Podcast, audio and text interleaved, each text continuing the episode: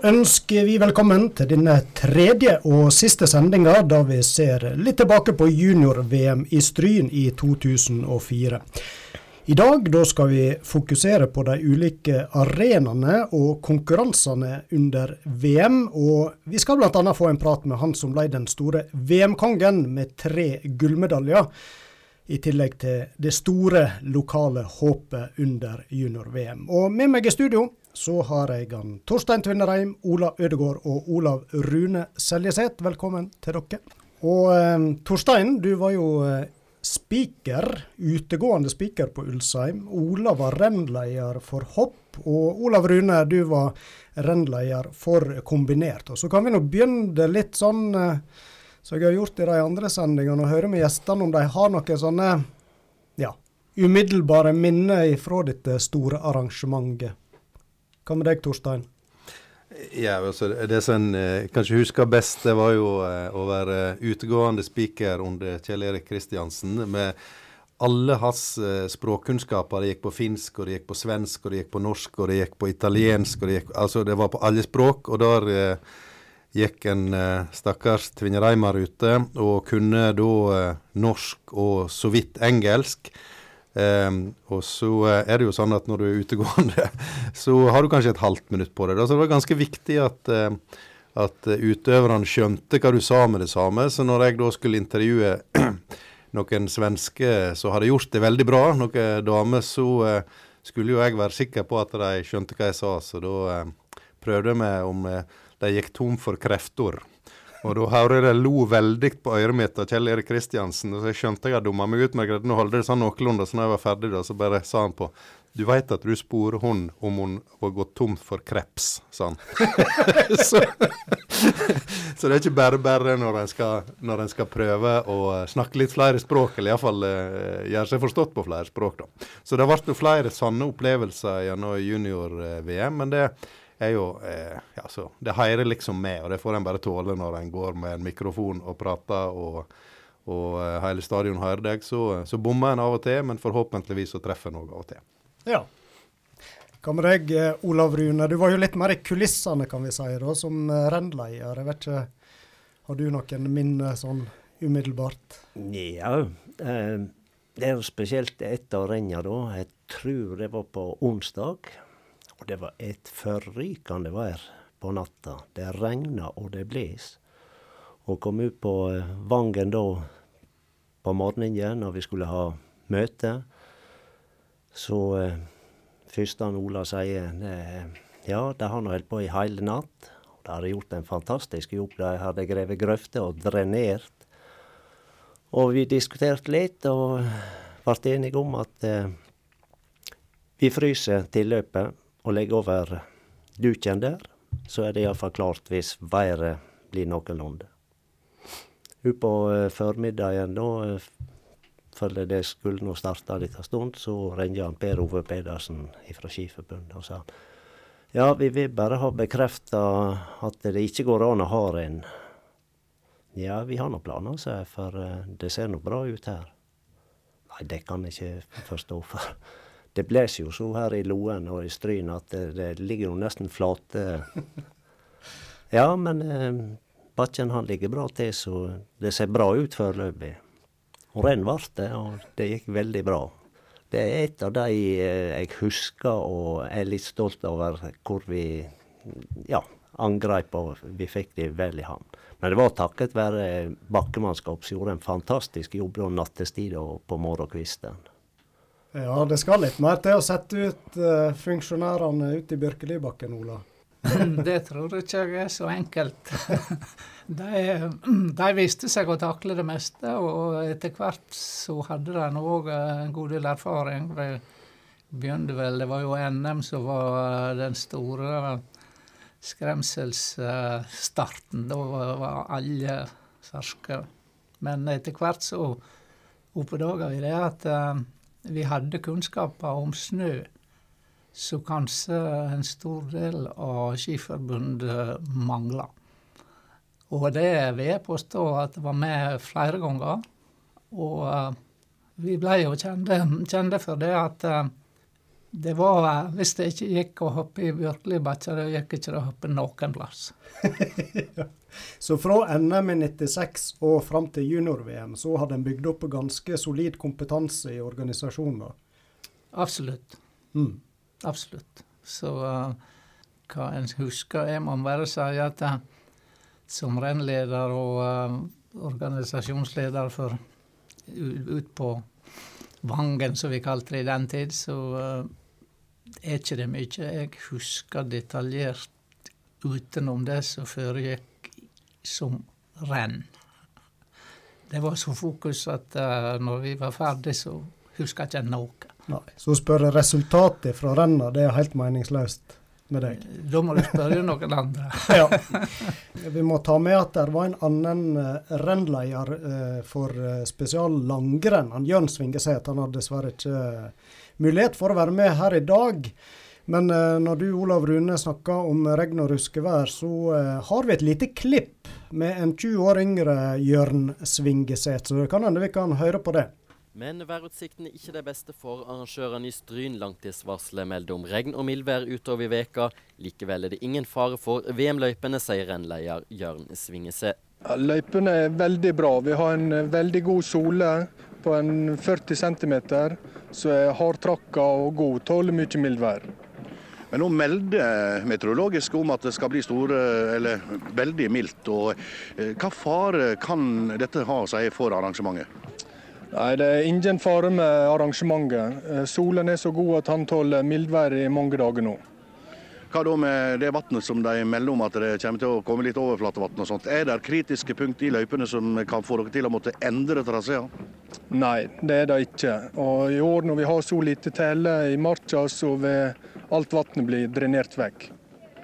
Var dette en ekstra stressfaktor, disse værforholdene som var så skiftende? Kan dere huske det?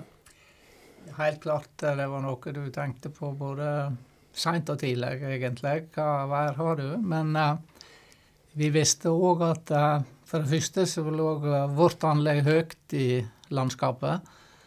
500 meter over havet. Og uh, vi visste at det var ikke snø som var det største problemet. Det var vind. Og for vår del så ligger den bakken så lunt i landskapet at det skal mye til uh, der oppe før, uh, før, det blir farlig vind. Mm. Jeg tror faktisk vi har et uh, lite klipp å lure med deg òg, Ola. Ja. Det er ikke så veldig lenge før første hoppark har sett ut før. og Dette er jo da prøve på Det er jo spesielt hopprenn. og Vi kan jo nevne det da at bakkerekorden her er på 103,5 meter. Jeg vet ikke, jeg, rennleder Ola Ødegård. Får vi se de lengdene på disse unge, lovende juniorene? Det kan vi få, men uh, i dag når det er såpass vått og mildt, så, uh, så tviler jeg på om det blir uh, i dag. Men hvis det går som værmeldingene sier, på torsdag med kaldere vær, og, og det da blir veldig hardt i bakken og jevne forhold, så kan vi nok oppleve morgenstjernen som veldig god, kan i et heldig øyeblikk få en god lengde. Ja, vi kan jo nevne at uh, klippa her de er lånt fra NRK Sogn og Fjordane. Og som dere kanskje hørte òg, så var det han Birger Mæland som var reporter under junior-VM. Lengden uh, Husker du noe av det? Ble det gode lengder i Bjørkelibakken under VM?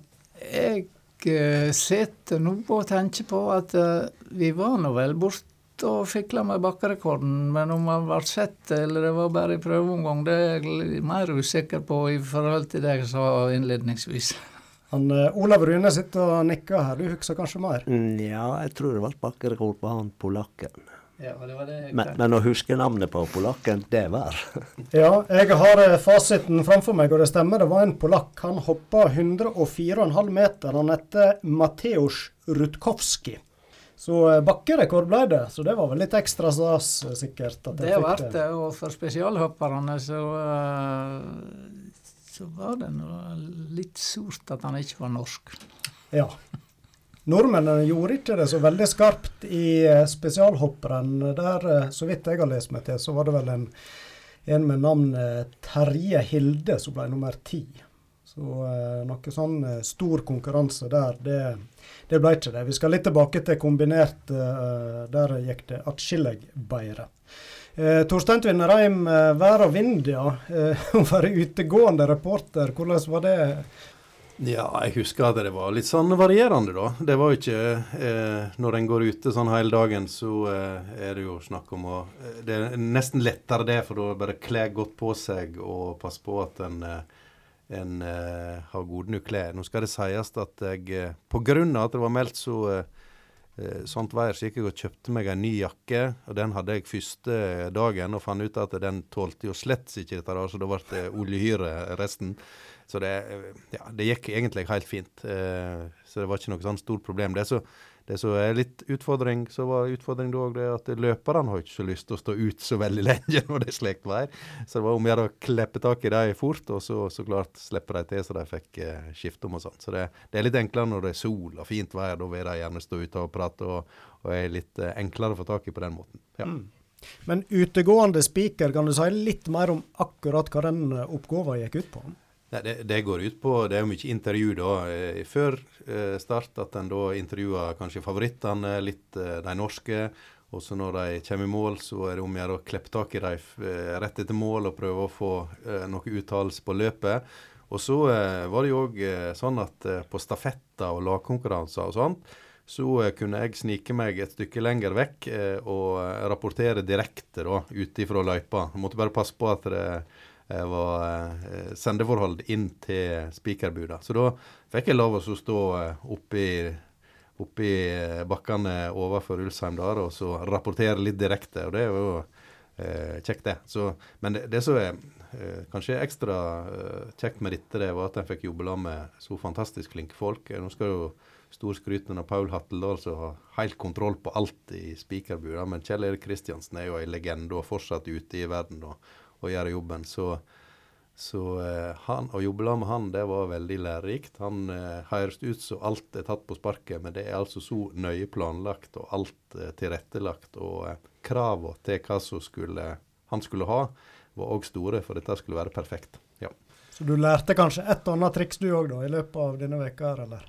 Jeg lærte veldig mye av han eh, i forhold til hva som, hvordan vi skulle formidle eh, langrenn kombinert og på en god måte. Så det skulle være spennende for de som var på stadion. Mm. Og det var på Ulsheim du var? Jeg var bare på Ulsheim, ja. Så det mm. var min jobb der. Eh, litt tilbake til hopp, eh, Ola. Jeg vet ikke Du, du husker kanskje at det var ei store stjerne fra Østerrike som var på besøk i bakken? Ja, vi husker nok han Morgenstern.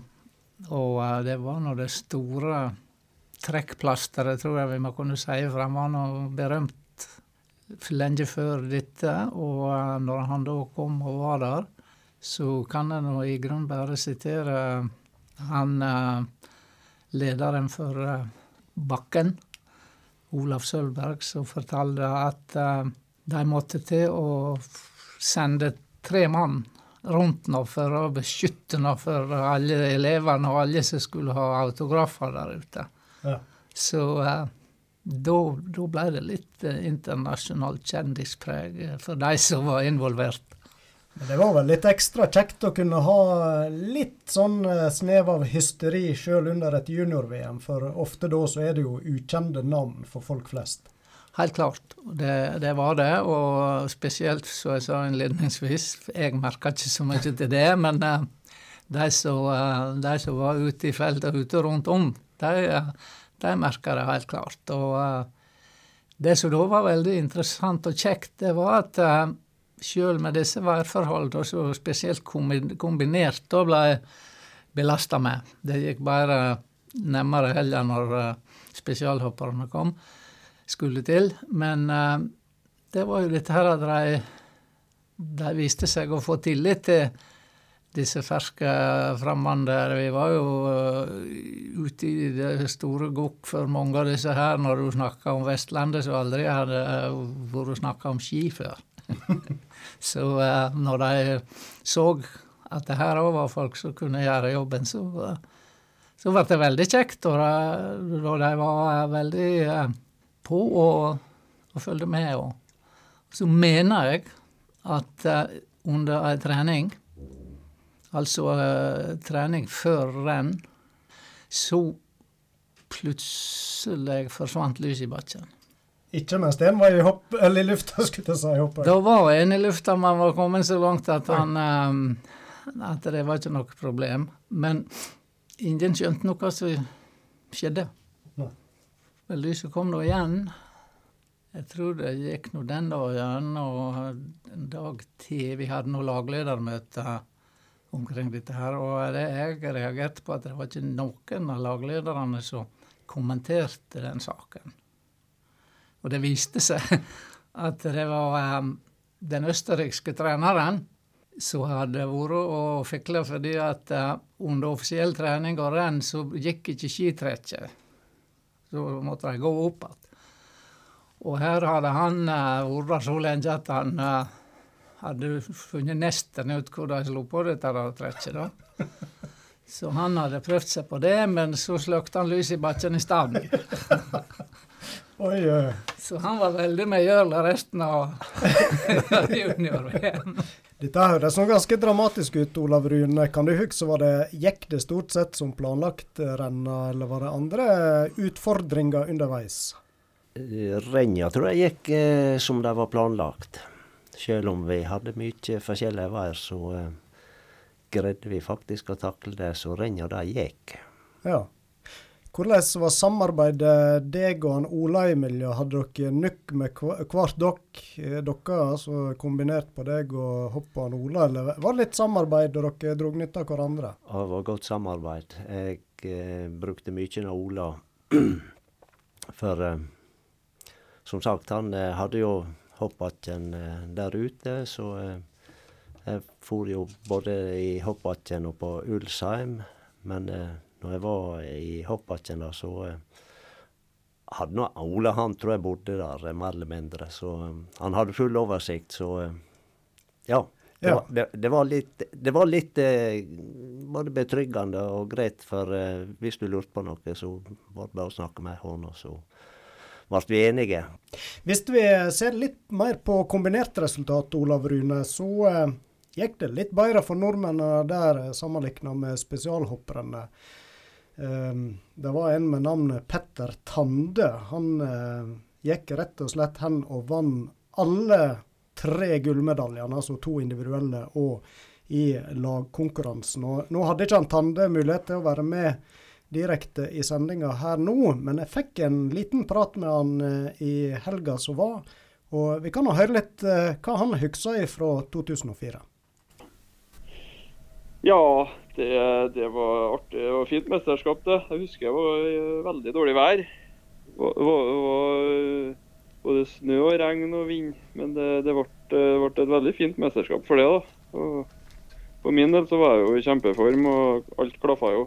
Så det ble jo eventyrlig bra resultat. Ja, en glemmer vel fort både vær og vind når en sitter igjen med tre, tre gullmedaljer. Det gjør ikke så mye, da. Hvor ga- eh, gammel var du i 2004? Eh, da, da var jeg vel eh, 19 år. Var jeg, ja. ja, jeg er født i 85, så 19 år var jeg da. Og da hadde vel du allerede fått eh, prøve deg litt i eh, verdenscupen òg? Ja, jeg hadde jo jeg har vært med i eh, bra mange år i verdenscupen allerede da. Jeg kom inn på landslaget da jeg var 16 år. Så som 17-åring var jeg fast mannskap i v-cup. Så det var rett og slett en erfaren eh, kombinertløper da, som kom til junior-VM i Stryn for 20 år siden? Ja, det var egentlig det. Jeg hadde, jeg hadde mange sesonger, eller ja, tre sesonger i da, hvor jeg har vært topp ti stabilt. Så var ganske erfaren allerede da, ja. Det betyr vel kanskje òg at eh, forventningene var store når du reiste til Stryn? Ja, de var det. Forventningene var, var å vinne, ja. Men det var, det var mange, mange om beina òg. Vi så jo i ettertid at eh, Jason Lamir Chapuis, han for eksempel, han ble jo veldig god i da. Og han ble vel eh, Han var vel på pallen i junior-VM, tror jeg. Tino Edelmann var nå der, og Antti Koivoranta òg. De, var- de var gode på den tida, dem òg. Det er jo ikke alltid det er automatikk i at de som uh, gjør det godt i et junior-VM, uh, får en karriere som uh, senior. Men i kombinert så ser en vel ofte at det kan være en sammenheng? Ja, det kan det fort være, ja. Hvorfor det, det tror du? Det er vel litt mer med utholdenhetsidrettene at det er vanskeligere å være skikkelig god som veldig ung. da. Eh, det er lettere i sånn idretter som skihopping. da. Der kan en hoppe veldig godt når en er ung. Ja. Og så kan det bare rakne helt med et eller annet vet du, når en blir litt gamlere.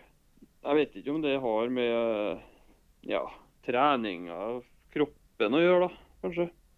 Når en holder på med utholdenhetsidrett, så uh, trener en jo mer og mer jo gamlere en blir. Og blir sterkere og sterkere, da. Sånn naturlig. Ja, hvor, hvor, lenge var det du holdt det gående som aktiv? Mm, ja, jeg gitt meg når eh, det var i 2011. Ja, da fikk... gitt jeg meg, da var jeg vel fem, 25 år. Så egentlig ganske, ganske ung alder for å være en uh, toppidrettsutøver? Ja. ja, da hadde jeg da hadde jeg vært med i ti år, da. Da hadde jeg egentlig fått nok. ja. Så det, det var da var det ikke noe mer å hente for min del. Men eh, du fikk jo ei fin karriere, og eh, året etter junior-VM i Stryn så ser jeg du tok din første av seks verdenscupseiere, bl.a. Ja da, det, det ble da bra karriere. Så jeg er fornøyd med den. Ja, vært truffet mye fine folk òg. Det, det, det har bare vært artig å være med på det. Og ikke angra på at du ga deg i ung alder? Nei, det Altså, det, det tok nesten sju år før jeg kjente at jeg hadde lyst til å hoppe på ski igjen. Så det, det var Motivasjonen var helt, uh, helt nedåt, kan du si. Så nei, jeg angrer ikke for det, nei. Hva, hva gjør Petter Tande i dag? I dag så driver jeg med sjarkfiske. Har egen fiskebåt. Og er familiefar. Har to unger to små unger som går i barnehage. Så det er nå fullt, fullt, opp. Ganske annen hverdag enn eh, det var i 2004, skjønner jeg? Det ja. det, det er stor forskjell, ja. Det, det, det, var mye lettere å være toppidrettsutøver. ja. det, kan jeg, det kan jeg si, ja. Medaljene fra junior-VM, eh, er de stua vekk i kasse, eller får de henge på synlig Nei. i stua? Ja, de, de, de har fått, uh, fått, plass i et glasskap nede, nede på kjellerstua. De, de er framme, ja. Da er det jo lov ja. å gå ned der av og til og mimre ja. litt tilbake igjen. Ja, ja, ja. Må ned og se litt. veldig, ja. veldig, bra, Petter. Eh, da vil jeg si tusen takk for at du eh, ville ta deg noen minutter her og mimre litt tilbake til det som skjedde for 20 år siden i Stryn. Ja, det var hyggelig. Ha det bra. Ha det bra. Det var Petter Tande, det. Som tok tre gull under junior-VM i 2004. Ja. Det var sånn eh, eh Der er jo et av de minnene der du står som stadionspiker og har akkurat dette ene minuttet på deg. Eh, for eh, det var David Sauner, nå lette jeg sjekke opp der, altså leda etter hoppkonkurransen. Og jeg skulle intervjue han før han gikk ut eh, i tet i sporet, og så sporer jeg han om eh, Han snakka engelsk, da på engelsk. Eh, og så sa han 'yes'. Og når jeg begynte å intervjue han, så skjønte jeg at det var det eneste ordet han kunne på engelsk. Det var 'yes'. Og, eh, så da var det bare for uh, unge Tvinnereim å ta fram uh, tysken fra 9. klasse. Og hvordan det høres ut for de som kunne tysk, det, det, det våger jeg ikke å tenke på engang. For at, jeg er ikke kjempegod i engelsk, men i tysk er jeg rett og slett veldig dårlig. Men vi gjennomførte intervju på tysk, jeg og David Sauner. Um, ja, jeg tror ikke Gudrun Dennett som lærte meg tysk, hadde vært veldig stolt av meg akkurat da, men eh, jeg fikk iallfall intervjue han. Da tenker jeg at vi skal litt over på det som skjedde på langrennsstadion på Ulsheim. Og noe som var ekstra moro under junior-VM eh, i Stryn, det var jo at vi kunne skilte med en nordfjording på start. Og eh, det var deg, Ronny Hafsås fra Stårheim. Ja, Husker du hvordan det var å skulle delta i et junior-VM nesten på heimebane? Eh, ja, det husker jeg egentlig ganske godt. Det er jeg. Um, det var som du sier, det, det, var jo heldig sånn sett at jeg, jeg fikk den muligheten. Jeg kjørte på et junior, eh. Er nesten i sin egen hage. så det var det var utvilsomt uh, utrolig kjekt og et uh, stort mål for meg den gangen. og Jeg var glad jeg klarte det, og det var en stor opplevelse, husker jeg, på den tida. Følte du litt ekstra press i disse kvalifiseringsrennene i forkant der?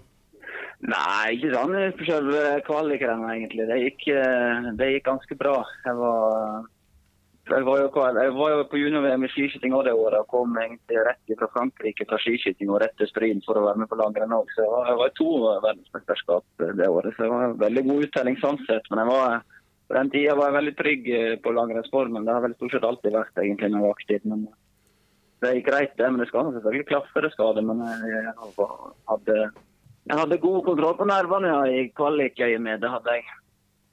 Og så kan vi nå høre et lite klipp her. 20 år yngre Ronny Hafsås få dager før konkurransen, og litt om forventningene da. Jeg har stort sett tenkt på det i hele sesongen og kvalifisert meg der. og Jeg ville svært gjerne være med siden det var på hjemmebane, så det er ganske stort for meg å få stille der. Det er det, og viktig òg. Dine egne forhåpninger da framfor eh, mesterskapet? Jeg føler meg i bra form og håper jeg skal få utstille akkurat det beste jeg kan der oppe. Så håper jeg det skal holde høyt. Torsdagen blir den store dagen for deg? Det blir helt klart den store dagen. Lykke til. Takk. Kan du huske om du fikk ut ditt aller beste denne dagen? Jeg klarer egentlig ikke å huske helt 100 det, altså. Det var, det var vel litt, litt blanda drops, husker jeg, men tiendeplass var det vel. Det var jeg husker jeg var, eh, jeg var kanskje litt uh, satt ut av at det var, var utrolig kjekt å gå, det var det. Men det var, var voldsomt med publikum, med både skoleklasse og andre, så det var utrolig kjekt opplevelse. Jeg var nesten litt tatt på senga av hvor mye lokale og hvor mye kjentfolk det var. Så det var kanskje at det gjorde, det gjorde meg litt ekstra spent. da, men det var helt greit. Jeg tenker En tiendeplass var bra, men jeg hadde selvfølgelig jeg jo sikta meg litt høyere. Det hadde jeg jo. Jeg hadde vel ambisjoner om å være den beste norske, så hadde jeg vel håpet at jeg kunne være, være topp seks, da iallfall, husker jeg. Ja. Hvor, hvor, gammel var du i 2004? Ja, da var jeg 18 år.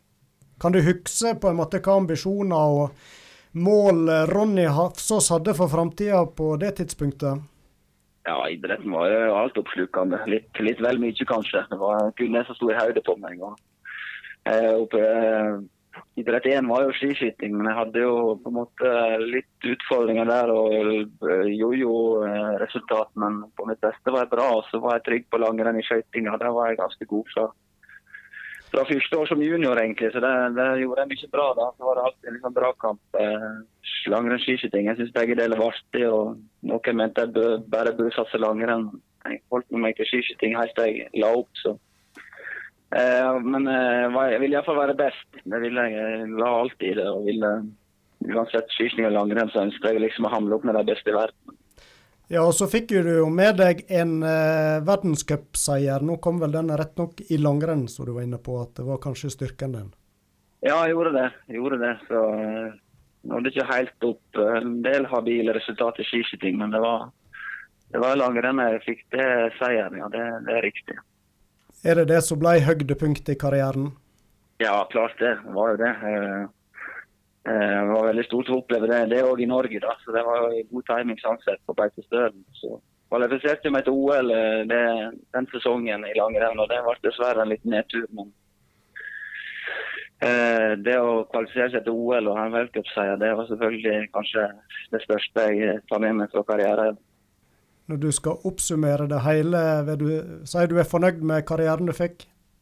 Nei, det er jeg ikke. Jeg er ikke fornøyd ut ifra hvor mye jeg ville og hvor mye jeg la i det fra tidlig ungdomsår, egentlig. Så jeg skulle gjerne sett tilbake på at jeg var mer stabil og gjorde det mye bedre, spesielt i skiskyting. Det jeg på en måte ønsket å være best i. Så jeg eh, kjenner litt det på den dag i dag at jeg fikk ikke helt ut det jeg eh, ville. Så det, det var litt frustrerende. Til, til slutt så, så, ble det vel kanskje litt for mye ork å drive med idretten. Det var vel derfor jeg eh, slutta da, i forholdsvis ung alder. da jeg var 27 var det. Hva gjør du på i dag? Jeg er fortsatt i toppidretten. Jeg er junior-landslagstrener i Sportsskytterforbundet på herresida. Det, det trives jeg godt med inn i mitt sjette år. Det, ja, vi har, god, vi har eh, som de sikkert fleste har fått med seg, veldig god bredde på, på herresida i, i Norge. Og jeg eh, føler meg som en bra bidragsyter på det. Og da blir det vel mange junior-VM til på deg, rett nok i trenerrolla? Det er helt riktig. Jeg er fast inventar der og er på en måte med som troppens leder og, og en av trenerne der hvert år. Så det, det, er det største mesterskapet for oss uh, som har med juniorene å gjøre. Det er kjekt. og vi, Om to uker så skal vi drøye to uker så skal vi til Estland og, og konkurrere der i junior-VM. Da må vi bare ønske deg og utøverne masse lykke til. Og så sier jeg tusen takk for at du ville være med og mimre litt om uh, junior-VM som fant plass i Stryn for 20 år siden. Jo, takk for det. Det var kjekt å, kjekt å mimre litt tilbake. Flott. Da må du ha en fin dag videre. Takk det samme, du. Ronny Hafsås han er fortsatt inne i idretten nå i trenerrolla. Og trenerrolla i forhold til Ronny Hafsås, den har vel du Torstein hatt litt òg? ja, jeg, jeg, fikk jo glede av å trene Ronny som 14- og 15-åring på Nordfjord Team. da. Så eh, det var eh, Som han sa han eh, visste hva han ville, og, og det var sånn eh, Den utøveren jeg har hatt, tror jeg, så det var det aller viktigste, det var bremsene, da. For det han var jo Han kunne jo trene Hvis jeg hadde sagt han skulle trene fire ganger for dag, så hadde han trent fire ganger for dag. Han, han, var jo inne på dette, det var stort publikum, eh, oppmøte og heiagjeng, og kjente nesten litt på press under junior-VM. Kan du huske akkurat det rennet, og hvordan det var stemninga? Jeg husker at det var veldig stor stemning. og klart Han var jo litt sånn ekstra helt siden han var nordfjording og fikk litt ekstra trøkk. og så så ikke det var nok, så fikk han gamle treneren som skulle intervjue henne litt både før og etter. Nå var vi nå, kjente vi nok hverandre godt, så jeg tror ikke det gjorde så mye fra eller til. Men, men eh, jeg forstår veldig godt eh, at, eh, at, dette var litt sånn For en 18-åring så var det nok eh, et ekstra trøkk å skulle gå på heimbane. Nå gjorde han det jo veldig bra, da. Han var nå et stykke før Petter Northug f.eks. denne dagen. ja, han lurte jo litt på det sjøl om han ble beste nordmann. Jeg mener han eh, ble best akkurat på den uh, distansen der, som tiendemann. De var litt lenger ned på lista, både Petter Northug og Martin Jonsrud Sundby, som har jo blitt store langrennsløpere seinere. Ja, nei, det var, hvis jeg husker rett, så var Martin nummer seks. da. Det, så han var den beste. Og så var det Ronny nummer ti, og så ble uh, Petter Northug 25, tror jeg. Mm. Så, så, Ronny var nå eh, altså det Han har vist seinere òg det. Han var i han var i verdenstoppen i langrenn og, og hadde nok vært i skiskyting òg med litt mer stabil på skytebanen. Det var jo det som var utfordringa i skiskyting hele veien. Når han traff, så var han i verdenstoppen, og så var det litt for sjelden det skjedde.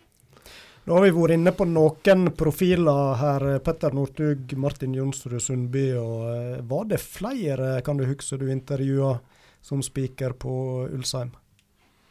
Ja, altså, det var jo flere.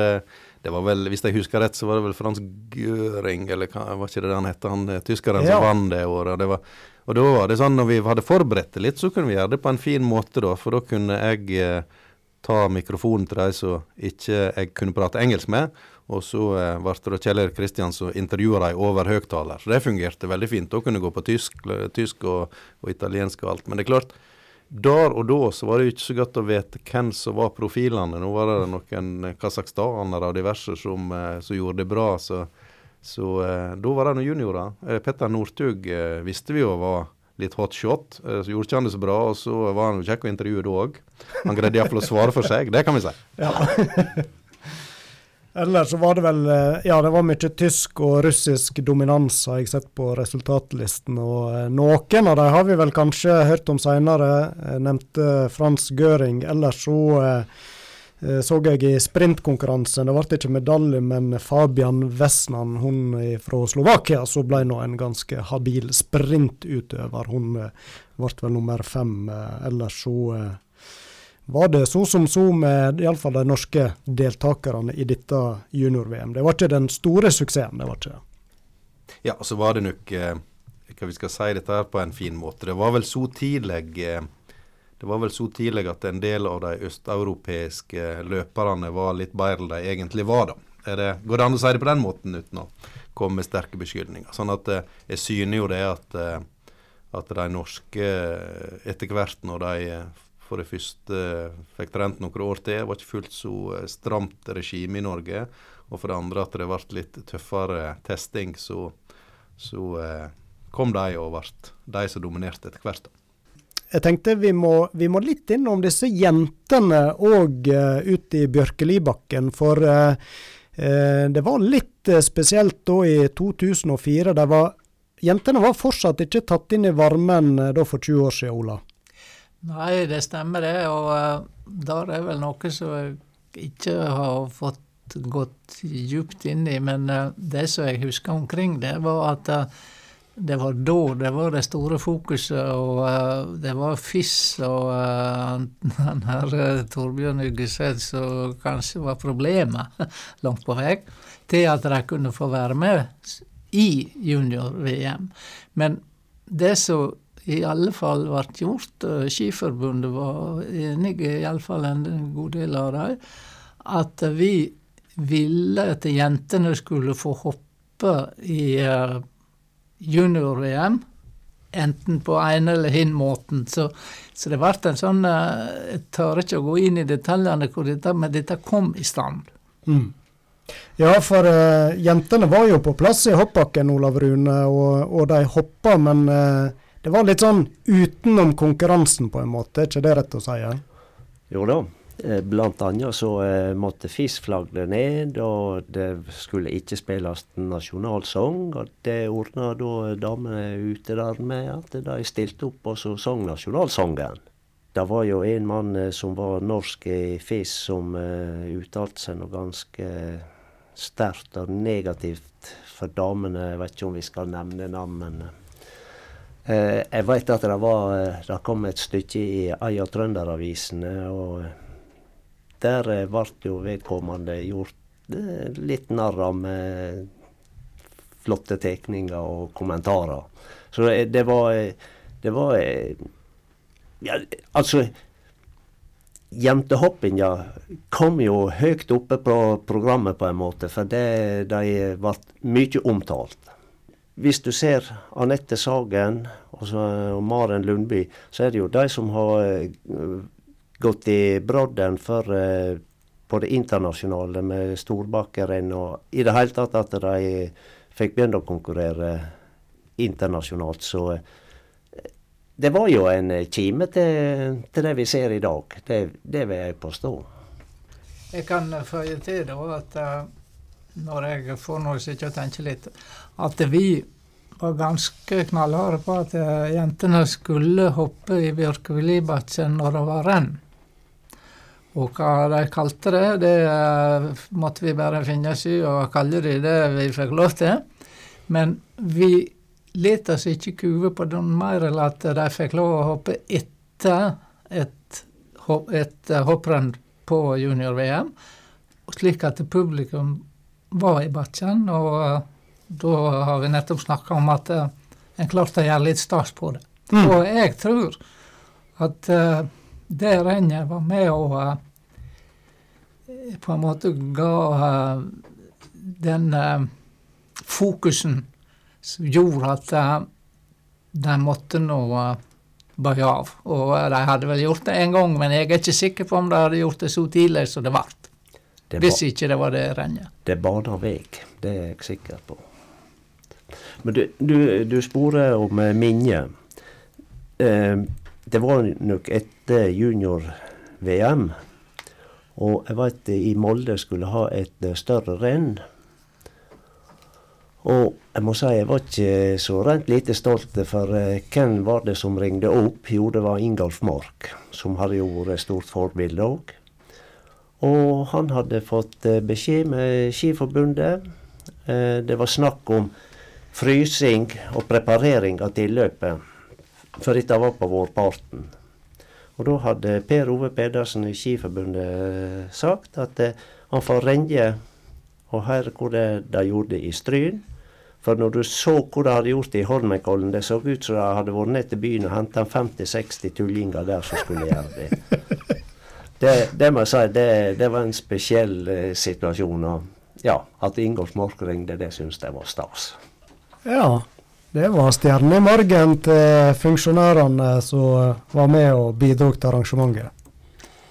Kjekt å ha med seg, eh, Ola. Ja, absolutt. Og eh, jeg vil si at uh, det var vel uh, dette her prepareringsmannskapet som så gjorde Så gjorde, gjorde den store forskjellen at de hadde hodet kaldt. De var ikke redde for å jobbe. Og uansett så ble det renn. Det syns jeg de skal ha ære for. Ikke tvil om at uh, det er mange som la ned et stort arbeid for at dette ble et arrangement som høsta mange lovord i ettertid og underveis. Og nå har vi vært innom både litt hopp og litt kombinert og litt langrenn. Og så må jeg spørre dere òg, er det noe som hadde frista til gjentagelse? Ble det stilt? det, det tror jeg nok uh, det kunne gjøre. Det er så kanskje litt dumt etter hvert at uh, det tar tid å bygge opp en sånn stab og en, en sånn kompetanse. Den kompetansen som var for 20 år siden, den må uh, veldig fornyes, om jeg skal si det sånn. Og det er mange ting ute og går. Men vil en, slik så og da lytter vi nok si at det var jo markene som starta dette her i forhold til det med den store drømmen om uh, norgesmesterskap. Mm. Og, uh, og, at vi ble kobla på flere, og at en da begynte å få dette til. Og vi trenger ikke gå lenger eller til skiskyting for å, å se hva dette miljøet i Nordfjord er i stand til. Og da må vi dra med Stryn videregående òg oppi dette her. og jeg tror nok at hadde en kunne hatt ei skilinje for hopp på Stryn mm. videregående, så, så, tror jeg nok at uh, der hadde vært uh, holdt ved like den rekruttering og det som skal til, slik som de har klart det på skiskyting. Og det tror jeg er kombinasjonen videregående, markene og Nordfjord i seg sjøl, så er Mm. Det er mange naturgitte forhold, inklusiv Alexandra hotell, som gjør at her går an å gjøre noe stort. Da vil jeg rett og slett bare si tusen takk til deg, Ola Ødegård, som var rennleder for hopp under junior-VM for 20 år siden. Og takk til deg, Olav Rune Seljeseth, rennleder for kombinert i 2004. Og takk for at dere ville dele litt minner her i Radiostrien. Takk for tilbudet. Takk.